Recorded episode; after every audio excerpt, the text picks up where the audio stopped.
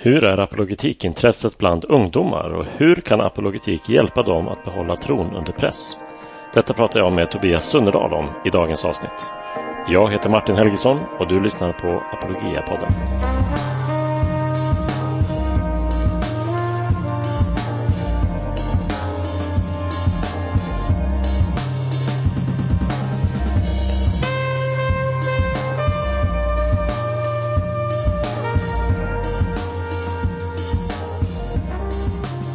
Ja, välkomna tillbaka till Apologia-podden. Det här med att ungdomar i stor utsträckning tappar tron under sin uppväxt eller under tiden som unga vuxna är något som vi har hört länge och eh, mycket om i Sverige, inte minst de sista åren. Och det är något som engagerar oss i Apologia. Och idag så intervjuar jag Tobias Sunnerdahl, författaren till en av eh, våra mest uppskattade böcker från förra året om apologetik och ungdomar, vilka behov som finns, vilket intresse som finns eh, för apologetik i den gruppen. Något han har erfarenhet av och eh, bra tankar kring. Den här intervjun är gjord över Zoom eftersom vi på grund av eh, social distansering och sådant inte kan träffas i vår vanliga studio. Så den här gången får ni leva med något sämre ljudkvalitet. Hoppas det går bra. Jag tror att samtalet är intressant nog ändå. Hoppas ni mår bra där ute. Ta hand om er och här kommer dagens intervju. Varsågoda.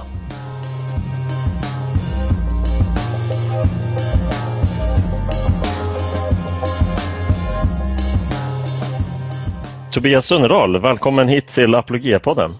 Tack så mycket. Vad kul att du kunde vara med här. Eh, jag har ju pratat med dig ett tag om att vi måste eh, ha dig som gäst här på podden för att prata lite om apologetik och eh, ungdomar som du har en hel del erfarenhet av. Men eh, innan vi kommer till det så är det väl så att de som lyssnar här har förmodligen eh, hört talas om dig via din bok som du kom ut med på vårt förlag, Apologias förlag, förra året. Eh, den som heter Liten handbok om de vanligaste argumenten för och emot kristen tro. Och jag får börja med att gratulera dig för en, vilken succé den här boken har blivit. Tack så mycket. Det har verkligen varit jätteroligt. Och det ja. blev ju större än vad jag trodde när jag satt och knåpade på den här hemma. Ja, precis. Men det är verkligen jättekul att den har blivit så, så uppskattad och så spridd redan. Vad för typ av respons har du fått eh, på boken? Som, eller liksom, vad har varit den roligaste responsen du har fått på den? Eh, oj, det var en jättebra fråga. Eh, men dels, dels när det är sådana som, som eh, kanske egentligen har så här, in, uttryckt ett, ett väldigt stort ointresse för apologetik men som ändå tyckt att det har varit väldigt häftigt att få läsa den boken. Eh, men sen var det också en stor höjdpunkt när, det kom, när jag upptäckte att det fanns en eh, lång och fin recension i Dagen. Det var en fin överraskning. Ja, det är inte så illa. Men det är ju ett jättebra betyg när, eh, när de som är på förhand tror att de inte utgör målgruppen ändå märker att den är så intressant att de vill läsa den. Det är ju det bästa man kan hoppas på, tänker jag. Ja, verkligen. Absolut. Hur, hur började arbetet med den boken? Hur liksom kom du på att du skulle skriva den? Um, jag har ju jag har under många år tyckt att det varit väldigt intressant med apologetik för egen del och köpt på mig böcker och lyssnat på föreläsningar och sådär. Eh, och sen så började jag väl egentligen fundera på det där med eh, och jag tyckte att det, det, borde finnas någon bok som, som presenterar eh, väldigt många argument ganska kortfattat och enkelt. Ja, precis. Eh, dels för, för folk som är väldigt insatta i apologetik och som eh, vill ha hjälp att kunna fånga essensen av argumenten eh, och ha alla tillgängliga för en snabb överblick. Men också sådär att, att om man inte är så inne i det här med apologetik och inte vill ha de här långa jättedjuplodande resonemangen att man ändå kan, kan få en, en enklare överblick över argumenten. Precis, men det är, ju, det är ju precis bokens styrkor tänker jag, är ju att eh, även om man eh, kan en hel del om apologetik så kan man lätt slå upp bara för att få den där överblicken. Och, och för andra kan det vara ett litet sätt att förstå och liksom orientera sig i vad, vad apologetik handlar om. Eller om man, om man eh, kanske inte, som sagt, då, som, som en del har sagt till dig, man kanske inte är intresserad av ämnet apologetik, men man ställs inför en, en, en utmaning, något av de här argumenten mot kristen tro och så behöver man någonstans att börja för att, eh, för att ha ett svar och, och kunna börja jobba med det. Precis. Eh, Men, så, eh, och då var det väl mycket så att jag tänkte att, att varför finns det inte en sån bok? Och så tänkte jag jag kanske skulle försöka mig på det själv då. Ja. och då blev det ju en sammansättning så var det 42 argument på 170 sidor ungefär. Ungefär fyra sidor per argument i snitt. Då. Det är väldigt, väldigt effektivt. Tänk om alla kunde skriva så korta böcker. Det hade gjort ja, mitt liv mycket enklare. eh, och säkert ditt också. Absolut. Eh, när du inte skriver de här böckerna, vad, vad, vem är du? Vad gör du annars? Eh, då pluggar jag på KTH eh, och ska bli civilingenjör och gymnasielärare. Eh, så att, det är väl det jag gör mestadels av tiden. Ja, civilingenjör i vad då? Ja, precis. Och det kommer att avgöras lite på, på vad det är för val jag kommer välja till hösten. Men det lutar Aha, starkt åt teknisk fysik. Teknisk fysik, mycket bra. Ja, men vad roligt. Eh, toppen. Eh, men hur, du nämnde att boken som du har skrivit började med ditt eget apologetikintresse, men om man tar ett steg tillbaka, vad tror du att det, hur började det? Eh, var det några särskilda frågor som gjorde att du fick upp ögonen för det här eller var det något som fanns i din församling eller liksom, vad var vägen in för dig? Jag, jag upplevde att det inte fanns i min församling. Eh, jag, jag började ta min tro på allvar och gå i kyrkan och be och läsa Bibeln när jag var 15-16 år, ungefär när jag började på gymnasiet. Mm. Eh, och I gymnasiet så var jag, i min klass så var jag ensam kristen. Eh, och eh, det fanns några väldigt högljudda ateister som jag blev kompis med. Men under de åren så fick jag väldigt mycket ifrågasättanden och, och frågor och som jag försökte svara på efter bästa förmåga. Jag tyckte alltid att det var väldigt viktigt att det skulle gå ihop allting. Eh, men samtidigt så var det ganska mycket att det jag fick luta mig på det var ju min erfarenhet av att det är på riktigt. Eh, det. det jag varit med om. Ja. Och sen fick jag försöka tänka och konstruera, bygga hjulet på egen hand. Liksom. Precis. Vad hade du för hjälp och liksom, vad var det som, vilka jag tänker till skillnad från när, när jag gick på gymnasiet, eh, låter det som att jag är lastgammal. Jag använder internet flitigt men jag använder inte det på det sättet. Jag vet inte nu i efterhand om det fanns liksom apologetik tillgängligt som jag hade kunnat hitta när jag själv eh, stod i den situationen, för jag var också ensam kristen i min klass på gymnasiet. Men, men vad hittade du för verktyg som kunde hjälpa dig mitt i det här? Um, ja, Internet fanns ju garanterat, så många år sedan var det inte. Nej, precis. För min del var det inte så många år sedan. Men eh, jag visste inte vad jag skulle söka på eller att det fanns. Nej. Eh, så att även om, även om det fanns där så, så var det inget jag, jag lyckades leta rätt på egentligen. Eh, så det, var egentligen när jag hade tagit studenten och skulle börja bibelskola eh, som jag fick den här Kristen på goda grunder av Stefan Gustafsson i min hand. Ja, jag känner igen namnet Stefan Gustafsson. Det, ja, det låter lite bekant va? Ja, exakt. Det gör det. Jag, tror, jag kan ha sett den där boken någonstans. Ja, det var den och så Till trons försvar av William Lane Craig. Nu blir det lite reklam här för Apologias böcker, men det, det antar jag ja. att du inte har något emot. Det har hänt förut. Eh, det har hänt förut både av misstag och eh, inte av misstag. Eh, men fortsätt. Ja. Och då, då, såg jag de här böckerna och fick läsa det där och det, det, var liksom som att det öppnades en helt ny värld för mig och jag bara insåg att oh, wow, och då, då var det ju två tankar som fanns hos mig när jag började läsa de här böckerna. Det ena är ju liksom att hur har jag kunnat gå i kyrkan i så många år och aldrig hört talas om det här? Mm. Det var den ena tanken. Och det andra var varför läser jag den nu när jag har slutat skolan och ska börja gå bibelskola? Precis. Varför hade jag inte det här under, när jag gick på gymnasiet? Ja.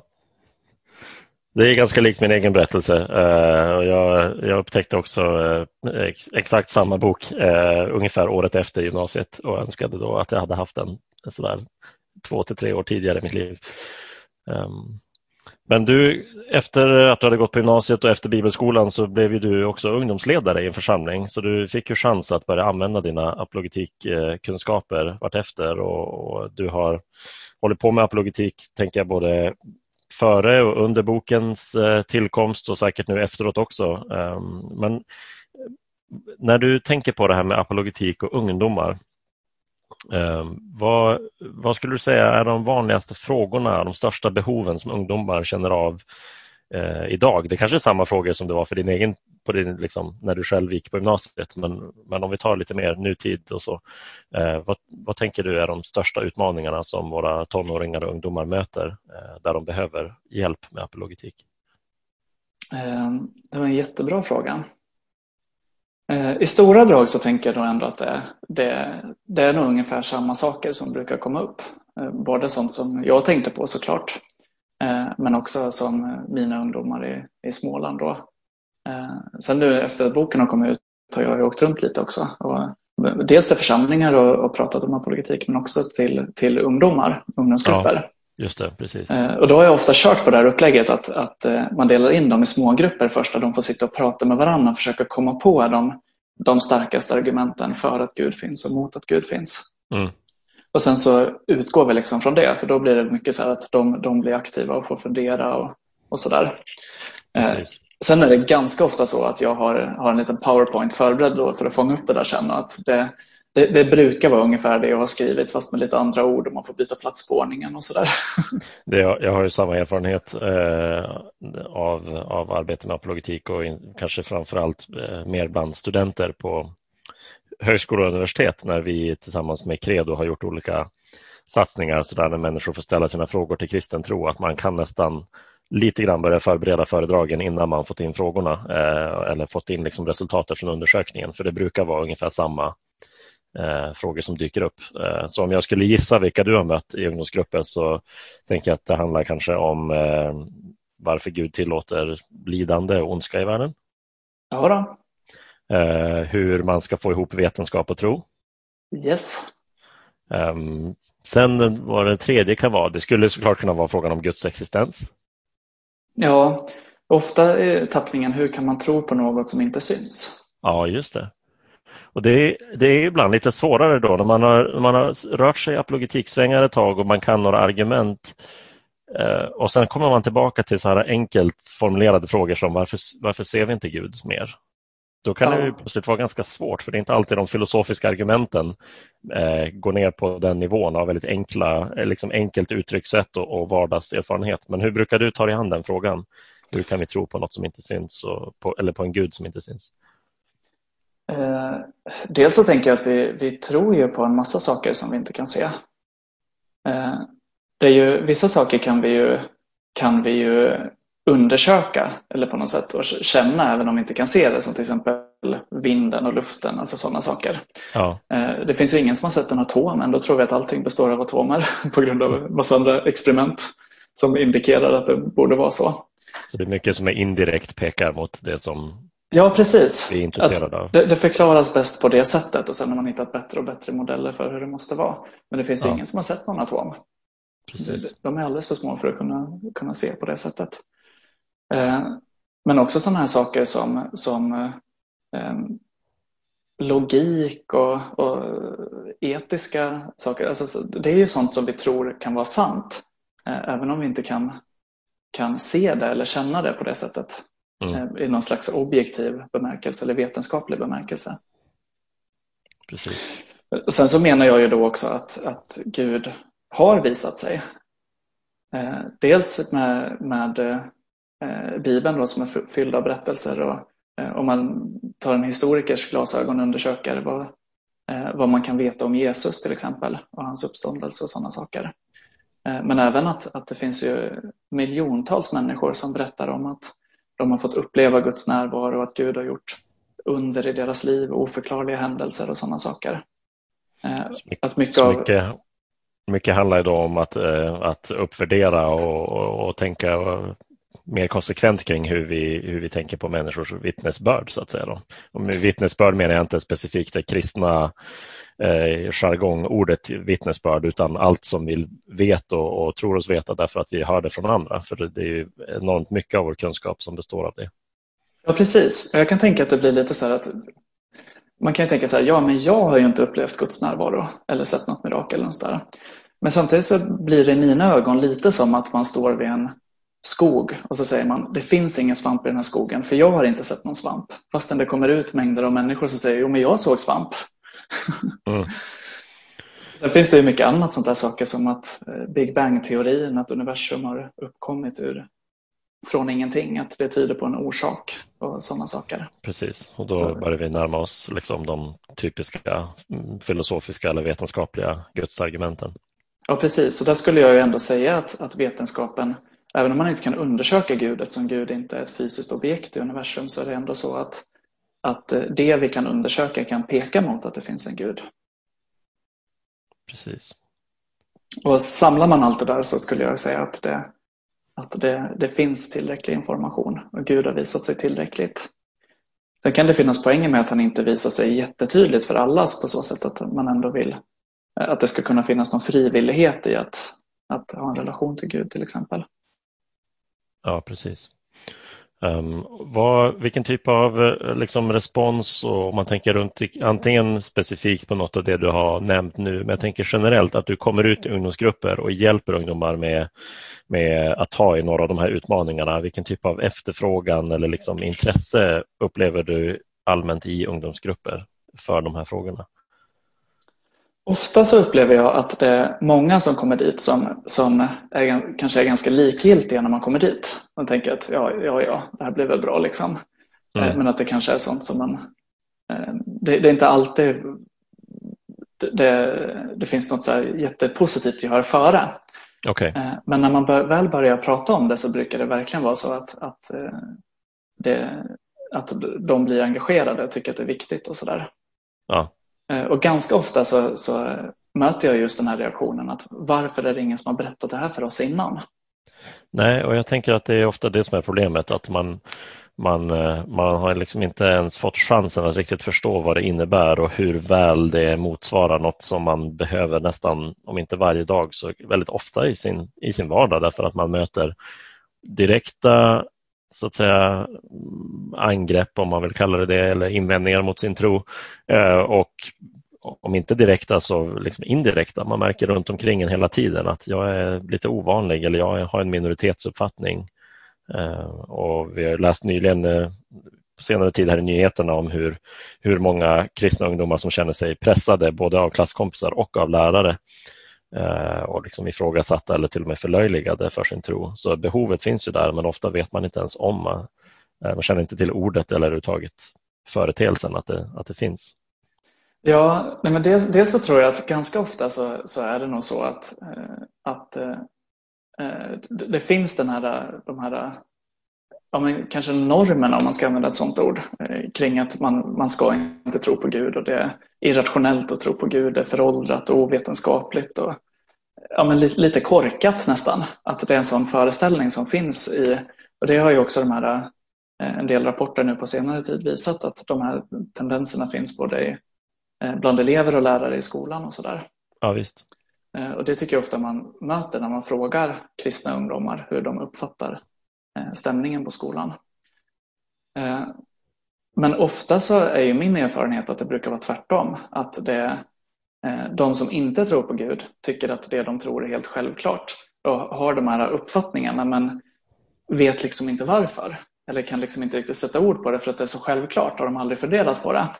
Ja. Medan som kristen så, så, är det här någonting man måste ta ställning till och fundera på. Att ofta så är det kanske ett, eh, Eh, är, det, är min erfarenhet att det är ett mycket mer välgrundat och, och eh, eh, genomtänkt eh, livsåskådning på, på så sätt.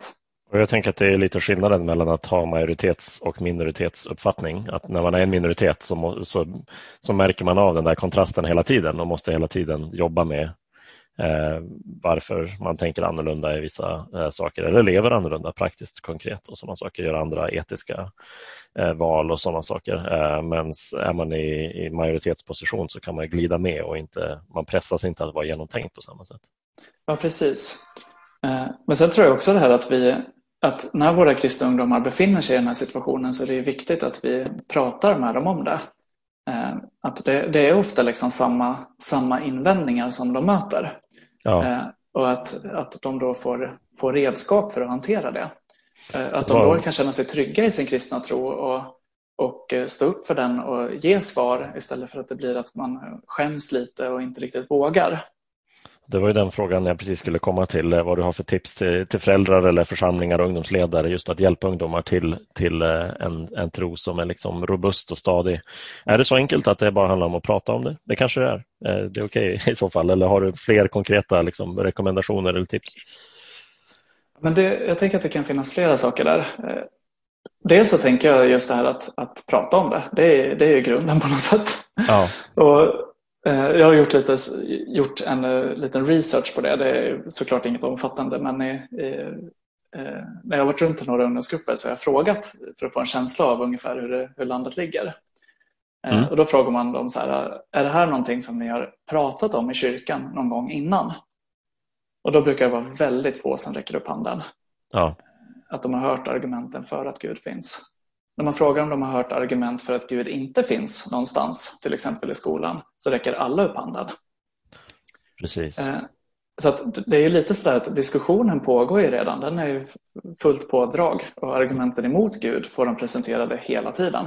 Men om det var en sida som hörs i den diskussionen så att säga, då, då är det inte så konstigt ifall vi märker att vi tappar ungdomar i kyrkan.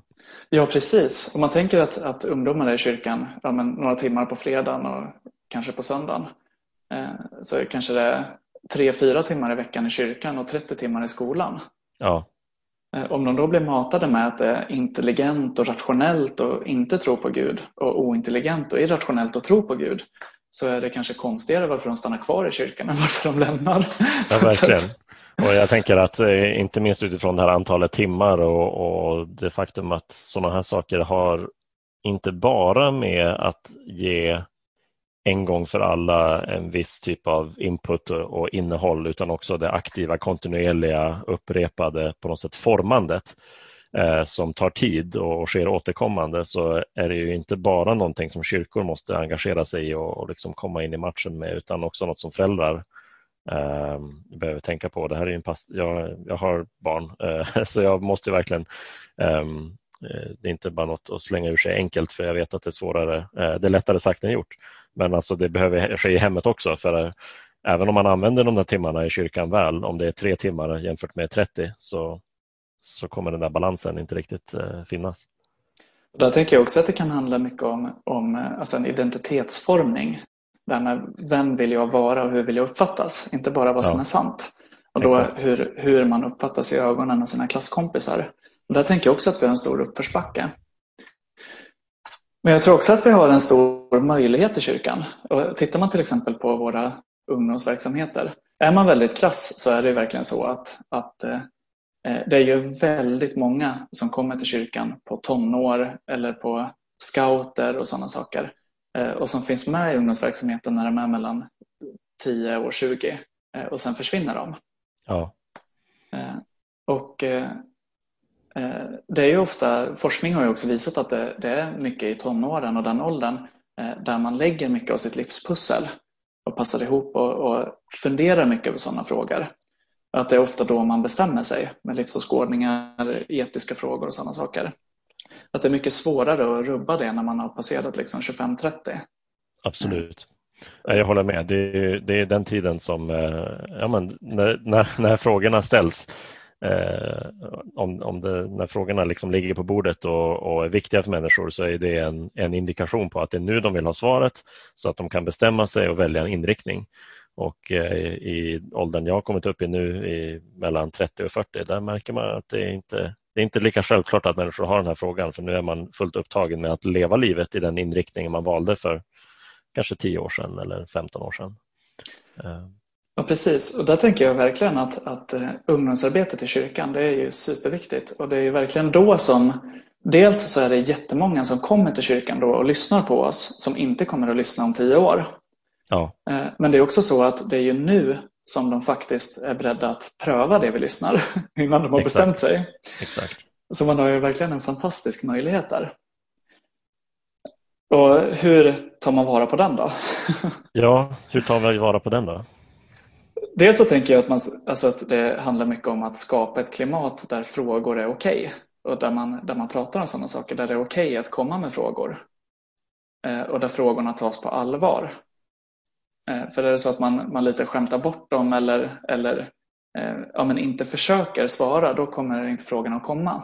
Men om man uppmuntrar till frågor och samtal, då, då kommer det att komma fram. Ja. Eh, sen tänker jag att, att det man borde ha som, som, ja men, som förälder eller som ledare att, att man läser en apologetisk bok så att man har lite, lite grundkoll på några argument, svar på några invändningar och lite koll på hur historiker ser på Jesus och sådana där saker. Eh, man behöver inte vara expert, men, men bara man har lite koll. Liksom. Det finns ju verkligen en hel del som vem som helst kan lära sig och återge med sina egna ord på ett bra sätt. Det, det finns utrymme för experterna och självklart kan ni som hör det här, ni kan ju eh, skynda er till en dator och, och slänga iväg ett mejl till Tobias och höra om han kan komma till, till er ungdomsgrupp när, när vi är tillåtna att resa runt i vårt land igen, eh, förhoppningsvis ganska snart. Eh, så det finns ju utrymme för det och det är viktigt att ta vara på de som kan mycket. Men mycket av det här kan ju vem som helst lära sig så att man kan, som du säger, ge, ge liksom början till ett svar åtminstone. Ehm, och ibland är det, det viktiga kanske inte att ge ett detaljerat och färdigt svar men det kan vara viktigt att säga, bara visa att ja, jag är inte rädd för din fråga för jag vet att det finns andra som vet eh, ett svar på den.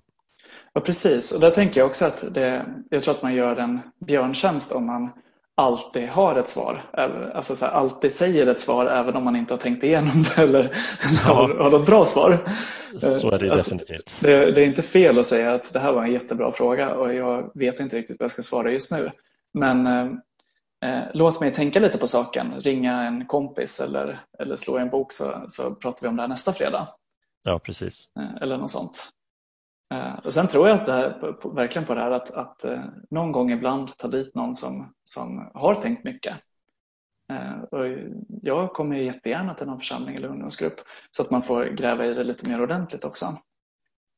Absolut. Att utnyttja verkligen att Alltså det är lite sådär, jag, jag tror att det är bra om alla kan lite. Men alla måste inte vara experter på allt.